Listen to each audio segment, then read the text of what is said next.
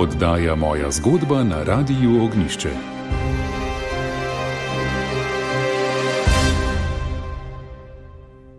Dober večer, oddaji moja zgodba. Danes bo na sporedu že sedma oddaja v nizu, v katerih predstavljamo referate z posveta Temna stran meseca, drugi del, ki je potekal novembra 2018 v Ljubljani. Nocoj bomo prisluhnili Ivu Jevnikarju in pa Janezu Suhadolcu.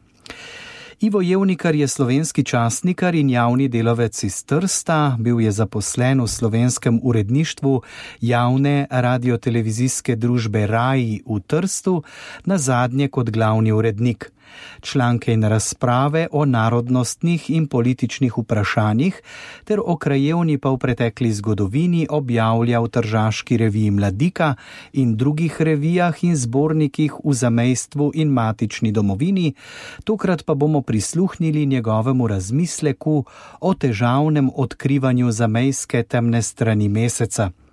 Kot ugotavlja avtor, temna stran meseca med rojaki v zamejstvu v Italiji pred 20 leti ni imela velikega odmeva. Po 20 letih pa se miselnost in ustaljeni vzorci med slovenci v Italiji spreminjajo zelo počasi, čeprav so glede spoznavanja temne pa v preteklosti dočekali kar nekaj raziskovalnih dosežkov. Prisluhnimo prvemu delu nocojšnje oddaje Moja zgodba. Ko sem si nedavno ogledal stalno razstavo o Hitlerjevem trinoštvu, začasno razstavo o nacističnem sodstvu in pa knjižnico ustanove Topografija terorja, ki ima svoj sedež v svoje vrstno oblikovani stavbi na parcelah, kjer je nekoč stal srednji sedež gestapa v Berlinu, sem se zamislil v naš odnos do slovenske totalitarne preteklosti. Muzeja o zločinih in strahovladi ozne udbe SDV-ja ter njihovih naredbodajalcev nimamo. Brez širokega poznavanja tudi te preteklosti, ne le svetovne politike, gospodarskih trendov in duhovnih tokov zadnjih desetletij, pa ni mogoče razumeti naše bližnje zgodovine in tudi ne mnogih pojavov sedanjosti. Na razstavah v nemški prestolnici so na primer pomenljivi seznami nacističnih sodnikov in različnih funkcionarjev z obsodbami, ki so jih po vojni doletele, ali pa z omembo karijere, ki so jo mnogi nadaljevali v Demokratični zvezdni republiki Nemčiji. Večkrat smo tako v matični Sloveniji kot v zamestvu nejevoljni zaradi počasnega spreminjanja miselnosti in razmer. Avtorja študije Prevarani sokoli Ivan Čuk in Alex Leo West sta to učinkovito zabeležila. Naj navedem. Sedanjost in prihodnost bremeni dejstvo, da so komunisti uspeli ohraniti mehanizem reproduciranja komunističnih vernikov, ki komunistične ideološke konstrukte in potvorbe doživljajo kot nespodbitne virske dogme. A pomisliti moramo, da je bil nacistični režim na oblasti 12 let in da, Nemci, da se Nemci že 73 let ograjujejo od njegovih strašnih zločinov. Komunizem pa je v Sloveniji uradno vladal 45 let in demokracija je stara le 28 let. Do nje je slovenski narod prišel po mirni poti in brez lustracij. In čeprav se bo to komu zdelo čudno, moram povedati, da prej omenjeni mehanizem reproduciranja vernikov deluje tudi med slovenci v Italiji, kljub temu, da, bila zamestvu, da so bila v zamestvu povojna desetletja seveda čisto drugačna.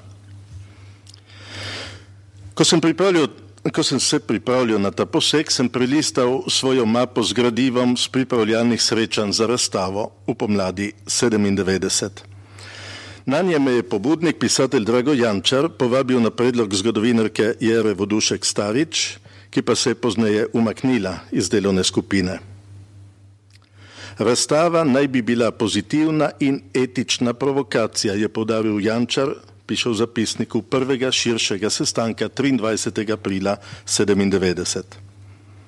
Iz časa od snovanja do izvedbe razstave novembra 1998 se je v moji mapi znašla tudi vrsta odmevov na predavanje, ki ga je imel 6. septembra istega leta na študijskih dnevih Draga 1998 na občinah pri Trstu Jože Pučnik. V razmišljanju sprava kot izhodišče za civilno rast slovencev iz naroda v državo je dregnil v dotedanje recimo uradno zgodovino pisje, ki se je odzvalo dokaj razdraženo. Za ogled razstave v prvi ljubljanski postavitvi je bilo v dveh mesecih prodanih skoraj 12 tisoč vstopnic. V še krajšem obdobju je bila pokupljena prva naklada 3000 izvodov obsežnega zbornika. In odmevi, nekaj smo danes že slišali, zelo zanimivi na tujem, v domačih vodilnih medijih ne toliko. Za osvežitev spomina naj navedem naslove vseh štirih razmišljanj, eno je bilo že omenjeno danes, štirih razmišljanj posvečenih razstavi v takratnih razgledih z dne 20. januarja 1999. Prvi naslov: Črno-bela stran meseca, vzvišenost nad zgodovino. Drugi: Siva stran meseca. Tretji: Izvidnica v sovražnem taboru. Četrti: Še zmeraj zamolčano. In še druge smo brali, da razstava ni prinesla nič novega, da je nekatera področja zanemarila, da je pristranska, da ni izraz stroke, da se ni dokopala do globljih uvidov. Po 20 letih pa se mi zdi, da je ta pozitivna in etična provokacija zlasti javnemu mnenju, a tudi stroki, pomagala premostiti del ponotranjenih strahov in usiljenih predsotkov. Kaj pa za mejstvo? V Italiji namreč, ker je bila Koroška žal pri pobudi prisotna le obrobno. Razstava z več zamejskimi eksponati, ki jih najdemo preslikane tudi v zborniku in razmišljanje podpisanega, med rojaki v zamejstvu nista imela kakega posebnega odmeva. Za marsikoga sta bila neprijetna in v takem primeru je, bilo, je bil pri nas in je še vedno najobičajnejši odziv mok. V svojem zapisu Razdeljena manjšina sem želel povdariti, kako tesno je bila manjšina vedno povezana z matico v dobrem in slabem, kako je revolucijsko nasilje segalo do zahodne narodnostne meje. Zakaj je po vojni na Tržaškem in Goriškem prišlo do ločitve duhov? Kako je režim delil zamejce na dobre in slabe? In kako so se spori med komunisti leta 1948 boleče zarezali tudi v našo skupnost? Želel pa sem tudi povedati, kako je v zamestju vse čas kljub vsemu živela ideja o pluralizmu in demokraciji, tudi o neodvisni slovenski državi, kar je nedvomno v določeni meri prispevalo k demokratizaciji v matični Sloveniji.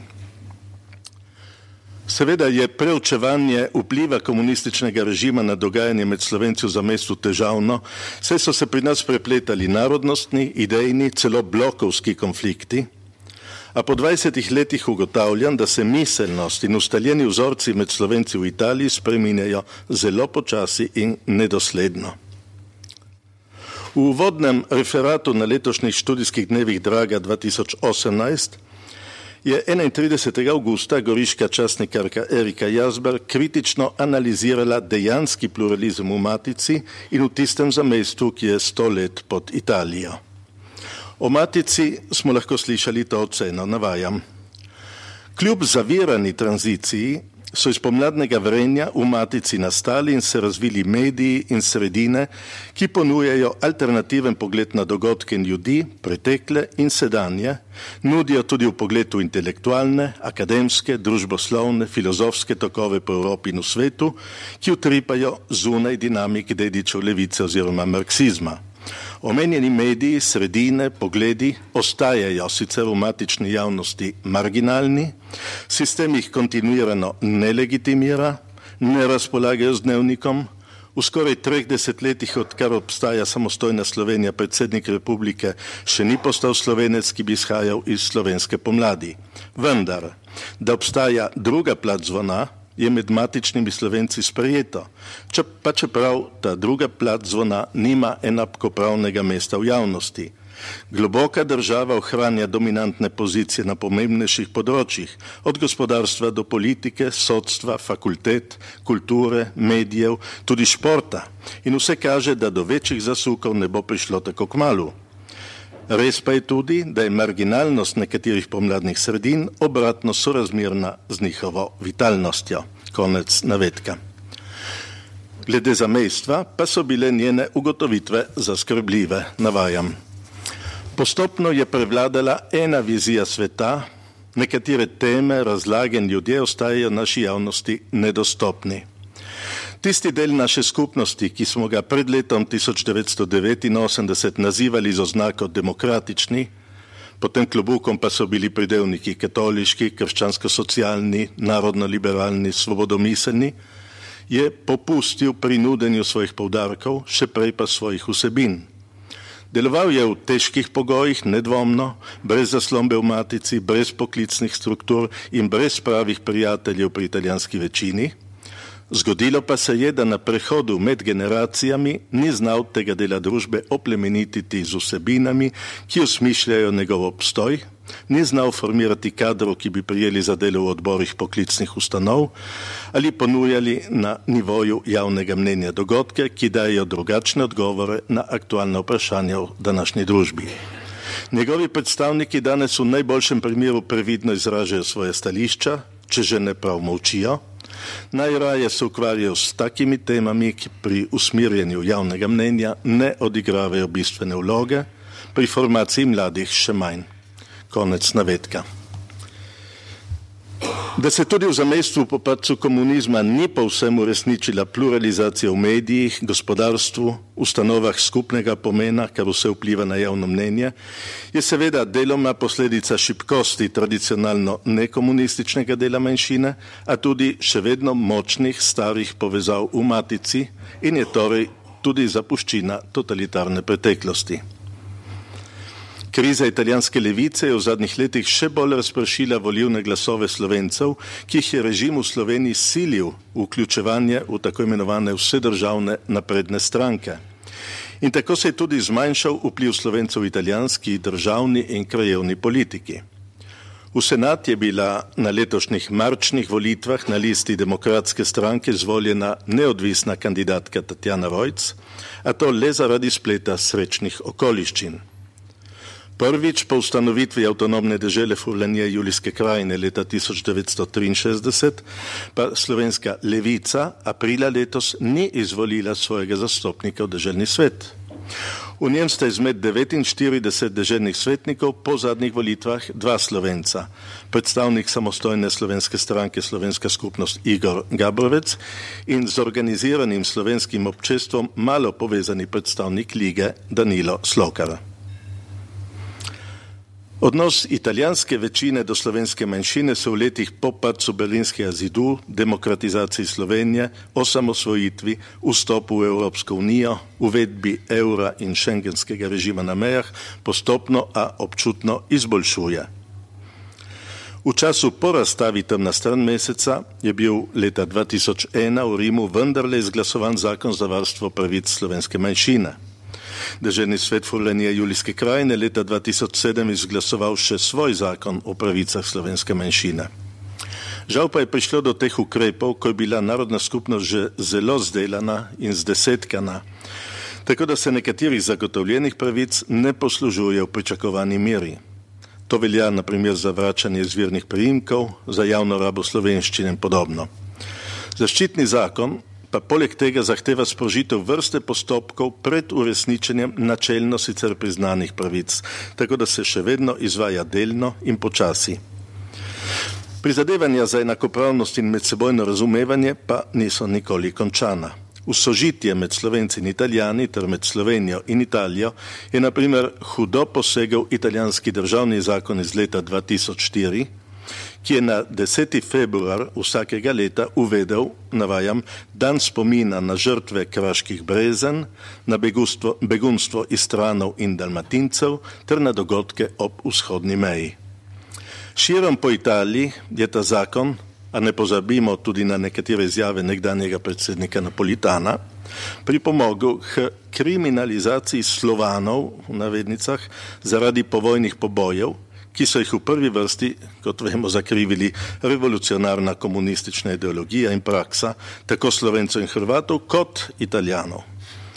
Seveda se najdejo uravnoteženi šolniki, a večina premnogih udeležencev šolskih in drugih izletov Zapeninskega polotoka, ki v Trstu obiščejo le bazovsko fojbo in nacistični lager Ižarno, o Slovencih ne zve veliko pozitivnega, o Italijanih pa malo negativnega. Dejstvo je, da do italijanskih zgodovinarjev težko pridejo podatki o novih raziskavah in spoznanjih v Sloveniji, tako da veliko krat ostajajo pri stereotipih glede naše polpreteklosti. Skrajna desnica pa si v svojih tiskanih in spletnih publikacijah celo prisvaja slovenske žrtve revolucionarnega nasilja in jih predstavlja kot mučence italijanstva.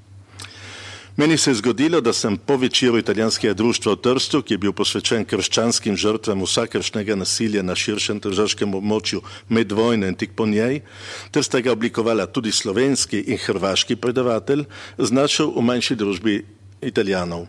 Starejša begunka iz Istre je med drugim izjavila. Ja, ko bi bili vedeli, koliko ste zaradi komunizma prestali tudi vi, bi vam bili lažje odpustili.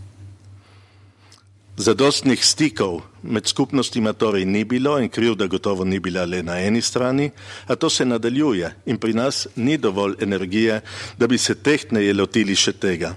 Občutljivi ljudje iz Matice pa bi danes po Italiji naleteli tudi na hvaležne sogovornike.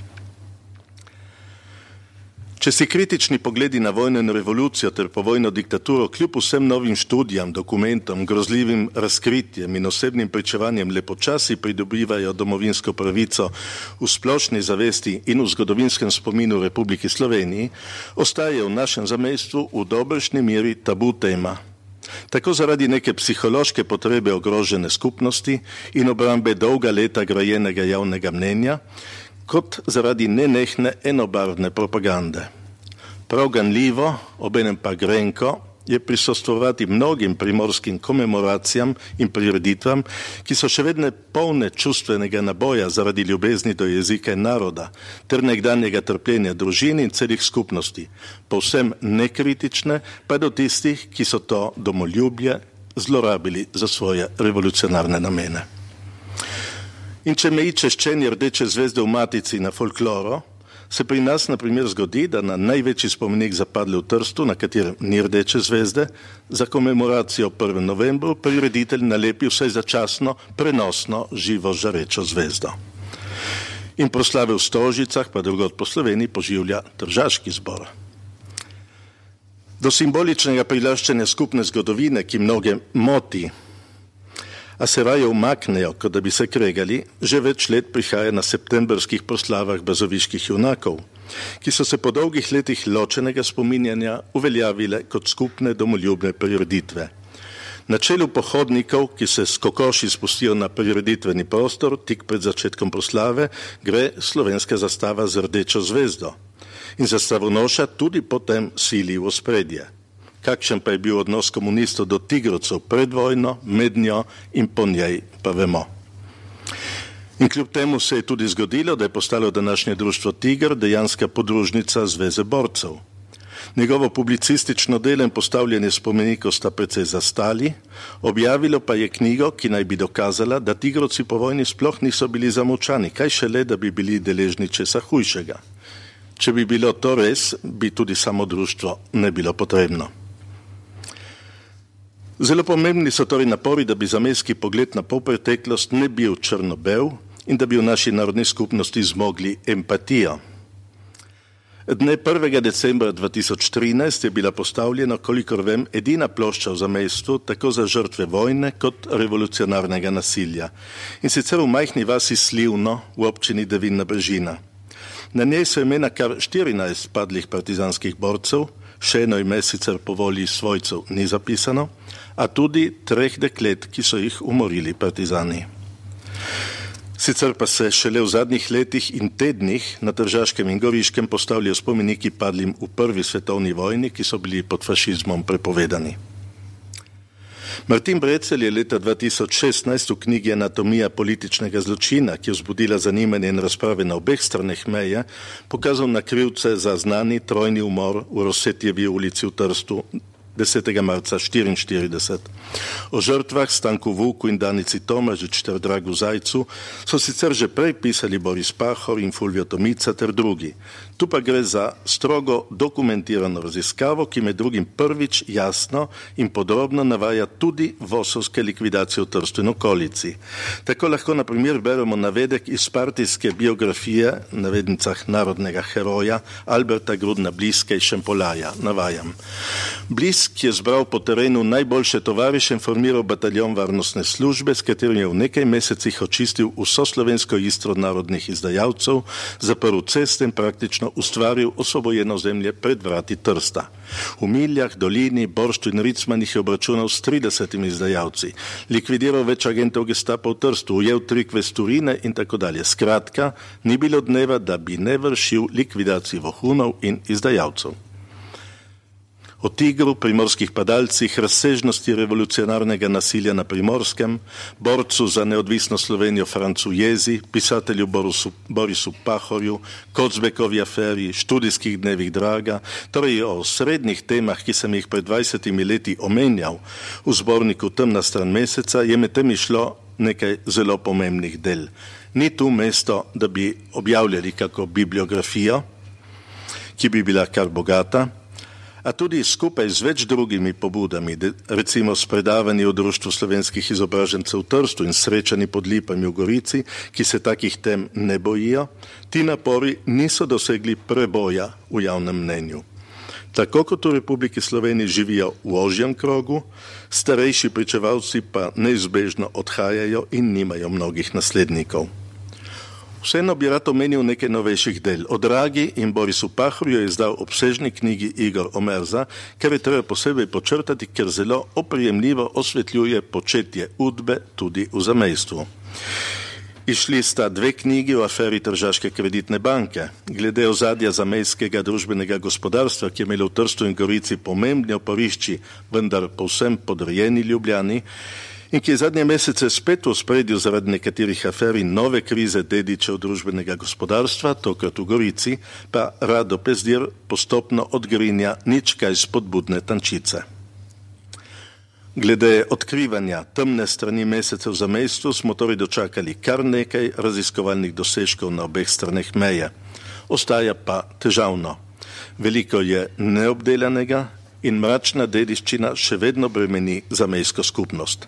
Zaupamo pa, da veter veje, kot hoče. Tako slovenski časnikar in javni delavec iz Trsta Ivo Jevnikar. V drugem delu oddaje Moja zgodba pa bomo prisluhnili arhitektu, pisatelju, tudi dramatiku Janezu Suhadolcu, ki nam bo v svojem razmišljanju spregovoril o svetli in temni usodi slovenskih umetnikov v času pred, med in po drugi svetovni vojni. Mnogi umetniki so se ob pravem času prilagodili novi stvarnosti, nekatere pa je po vojni čas porinil na obrobje družbe, nekateri so se izselili, posamezniki so bili celo obživljenje. Janez Suhadolc je bil pred 20 leti oblikovalec razstave Temna stran meseca. Prisluhnimo njegovemu razmišljanju. Naslov je temna in svetla stran slovenskih umetnikov. No, pred 20 leti sem bil zadolžen za postavitev te razstave, skratka, ta vizualni vtis razstave je bil nekako moj.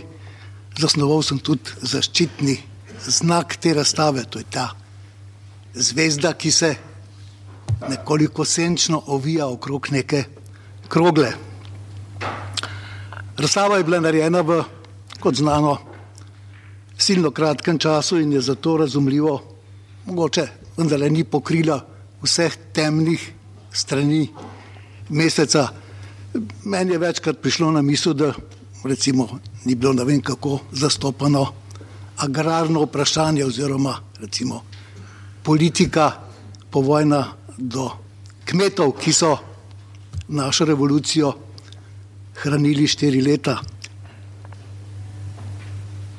Zdi se mi, da je morda tudi soda umetnikov ni bila prikazana tako, kot bi morda lahko bila. No, glede na hitrost je to povsem razumljivo in danes bi v tem prispevku tudi malo zato, ker se imam za umetnika, skušal nekoliko osvetliti usode umetnikov nekako pred vojno, med vojno in celo nekoliko po vojni.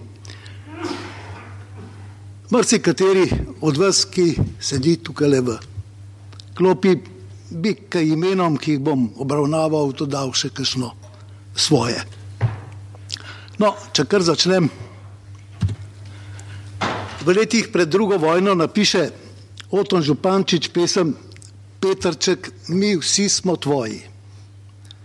Ob prihodu Italijanov v Ljubljano jih spreme z besedami: Vi, ki nam prinašate tisočletno rimsko kulturo. Med vojno je bil po večini v sanatorijih, partizane bi šel le pod pogojem, če bi ga spremljala v gozdove močna dvobranska straža. V podporo OF napiše zbirko pesmi Zimzelen pod snegom, ki izide leta 1945. Ko pridejo osvoboditelji v Ljubljano, jih z balkona univerze pozdravi Oton Župančič.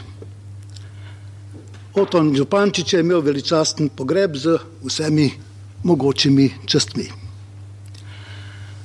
Božji Darjakac pred vojno nariše kralja Aleksandra in potem še mladoletnega kralja Petra. Že na zasedanju Avnoja v Jajcu nariše maršala. Da je narisal še razne druge veljake, se razume samo po sebi. Do smrti je bil cenjen ustvarjalec, dobil je med drugim štiri preširnove nagrade. Zaradi lojalnosti oblastem je bil lahko do neke mere tudi včasih zmerno kritičen. O Jakcu in uh, njegovem uh, času v partizanih kroži tudi ena anekdota.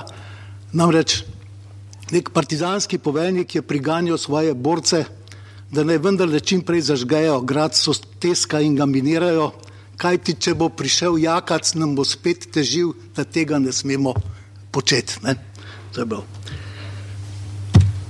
No, jakac je bil prav gotovo eminenten slovenski eh, umetnik in ustvarjalec na vseh mogočih področjih. Jože Plečnik je med obema vojnama gradil večinoma po naročilu crkvenih krogov. Ta ustvarjalna naveza se obdrži tudi v povojnem času. Čeprav je bil takrat arhitekt že zelo v letih, crkv pa ni več imela te moči kot v prejšnjih časih.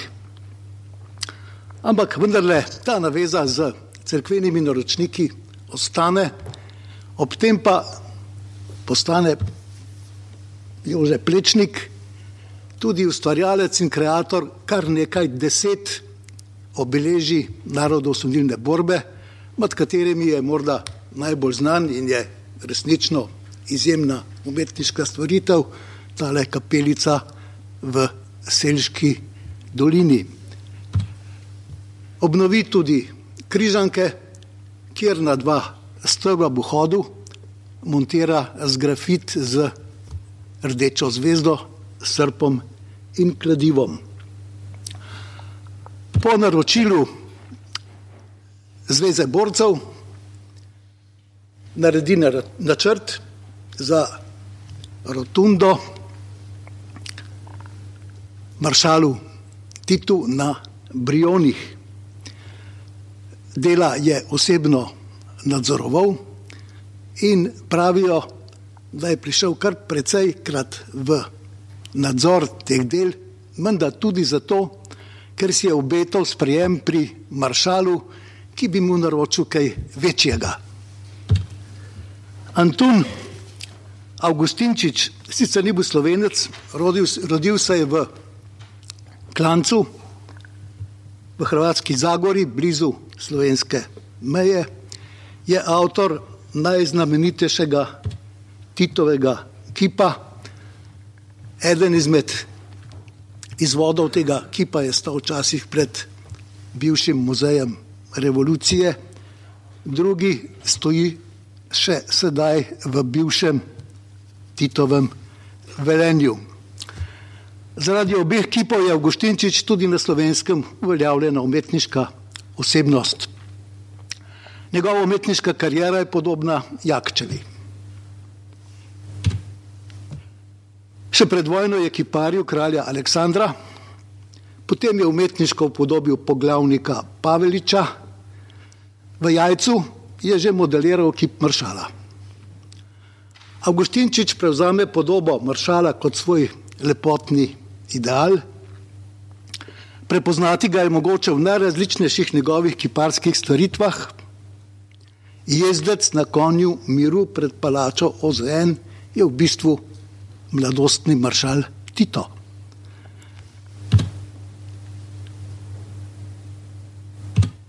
V rdeči črnogorski granit je vklesal podobo lepe Jovanke kot konkurentke egiptovski kraljici Lefretete.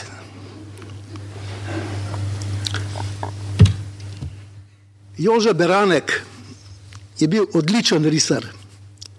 V strip predelani roman Henrika Sinkjeviča Kovadis pomeni začetek te zvrsti umetnosti na slovenskem. Bil je predhodnik Mustra, Gatnika, Lauriča, Eriča, Smiljaniča, zanimivo, kdo obravnava razvoj in zgodovino slovenskega stripa, Beranjeka po pravilu izpusti.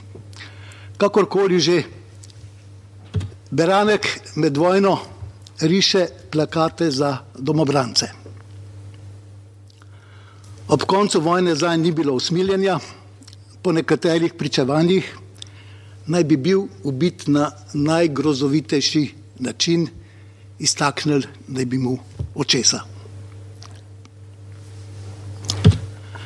France kralj je bil vsestranski ustvarjalec, bil je odličen slikar, kipar, grafik, keramik, celo arhitekt.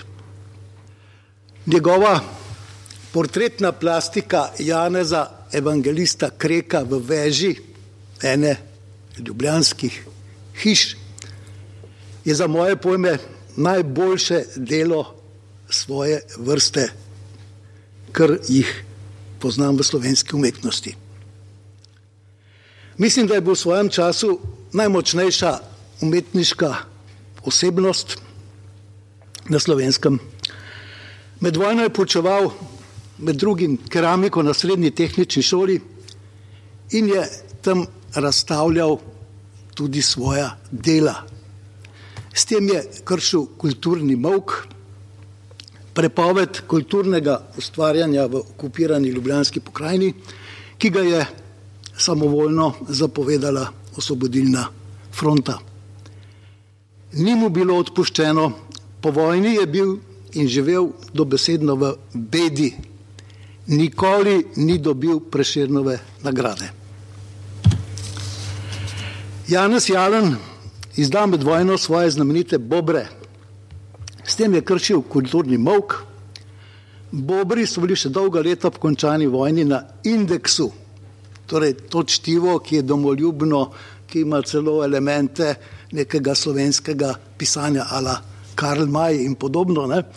Skratka, to čtivo je bilo po končani vojni na indeksu, da se znamo prepovedane literature avtor Bobrov, je bil do smrti v nemilosti pri novih oblasteh, slovenska literarna zgodovina ga še zdaj komaj omenja ali pa sploh je, ali pa je še zdaj v vsaj teh preglednih uh, tiskih ni omenjen.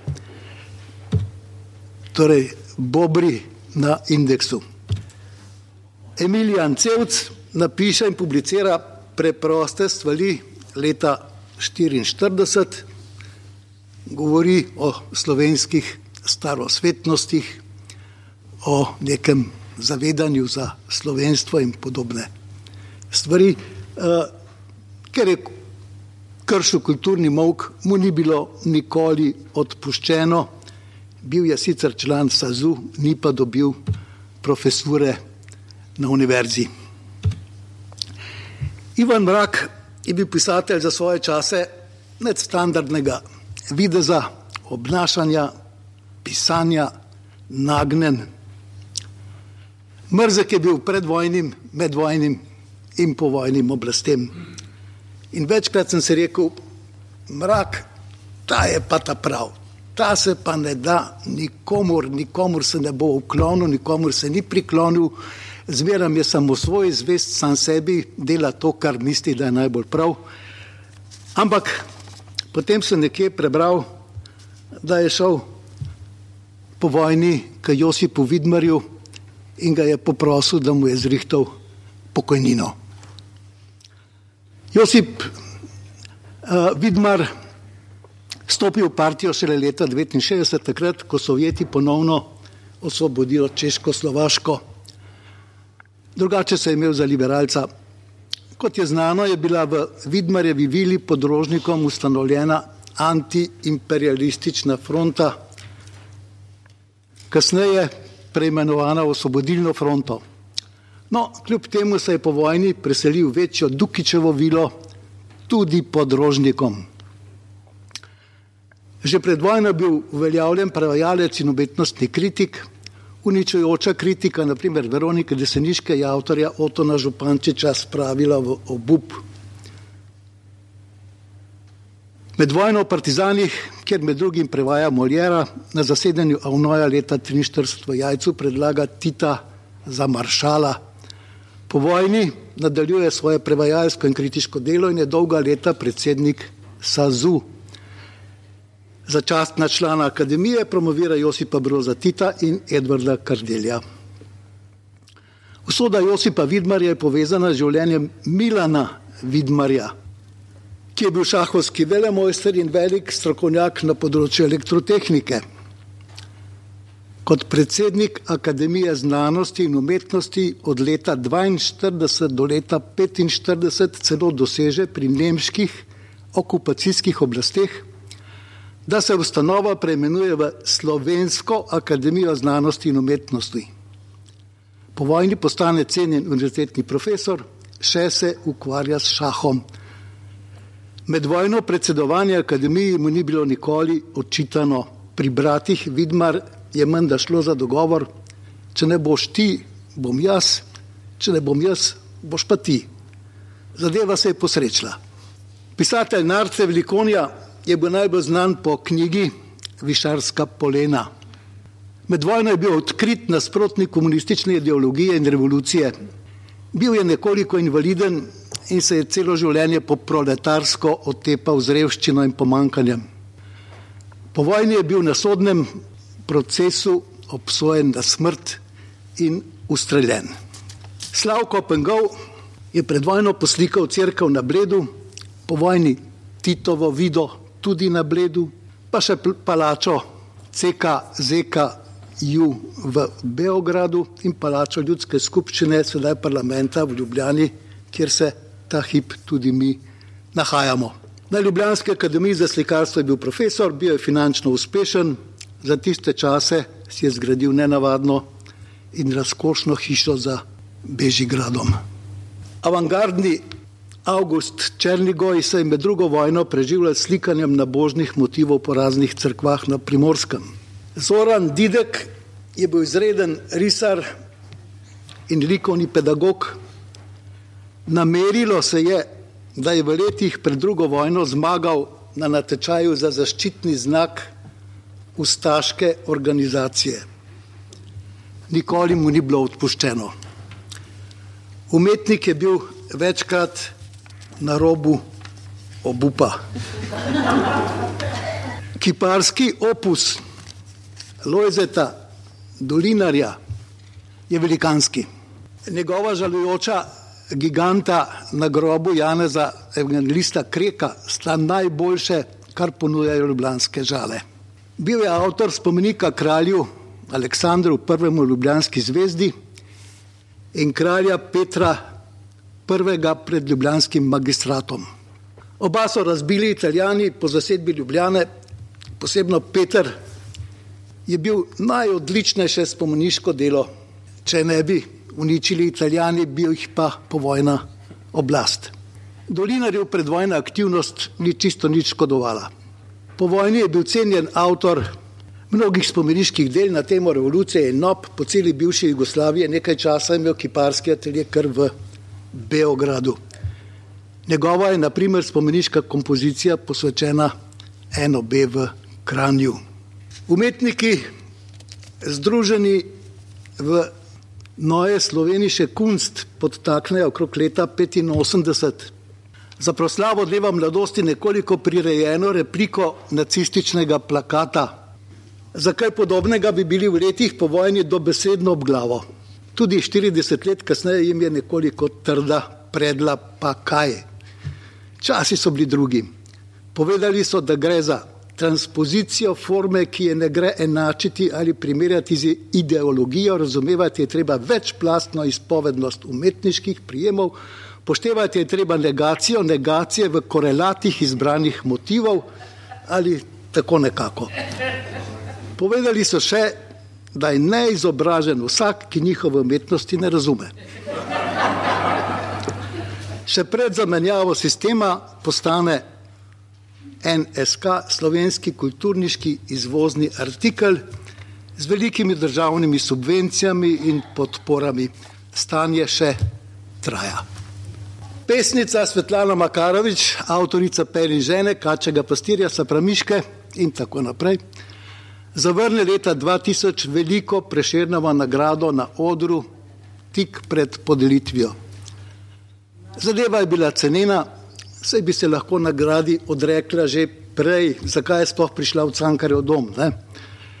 Pesnica predtem ni odklonila posebne pokojnine, ki jih država podeljuje najbolj zaslužnim v slovenski kulturi. Govori se, da se tudi denarnemu delu preširnove nagrade ni odrekla. Pesnica rada poudarja svoj ateizem, vendar svojega pesniškega nastopa pred širokimi ljudskimi množicami ni imela, da nima v BTC-ju, kjer o kakšni transcendenci niti sledu ni, ampak pred cerkvijo Marijinega oznanjenja v središču Ljubljane. Čez nekaj časa prejme zlati red zasluge, ki ga pred leti ni sprejela od takratnega predsednika države. Zadevo je treba razumevati kontekstualno. Vsak naj sam sebi pripiše, če kontekstualnosti v življenju umetnikov ne razume. V tem prispevku sem opisal nekatere krute mile in nemile usode slovenskih umetnikov. Včasih se zdi, da se usode niso dogajale po racionalnih, razsodnih ali logičnih kriterijih. Za mnoge umetnike velja, da so še v pravem času spoznali novo realnost in novo stvarnost. Kako je že napisal pred davnimi časi srpski komediograf Jovan Sterija Popovič. Umetnici so bili uvijek prilepak društva. Tukaj moram zavzdihniti. Tudi sam nisem nobena izjema. Bil sem šef, arhitekt, avtor postavitve razstave Edvardu Kardelju in čez deset let in še nekaj čez avtor temne stvari meseca. Tako arhitekt Janez Suhadolc, ki je pred 20 leti oblikoval razstavo Temna stran meseca, no v prvem delu pa smo prisluhnili še Ivu Jevnikarju, slovenskemu častnikarju in javnemu delavcu iz Trsta. Oba sta sodelovala na posvetu Temna stran meseca, drugi del, ki ga je organiziral študijski center za narodno spravo v sodelovanju s sorodnimi inštitucijami iz Slovenije in tujine državnem svetu Republike Slovenije. Odajo sta pripravili Marta Keršič in Mirjam Dujo Jurjevčič. Uredil sem jo Jože Bartol, tehnična izvedba Boštjan Smole. Hvala za pozornost in lepo vabljeni k poslušanju tudi prihodnji teden, ko bo na sporedu še zadnja oddaja s prispevki ob 20-letnici temne strani meseca, v njej pa boste lahko prisluhnili prispevkoma Draga Jančarja in Alenke Puhar. Lahko noč.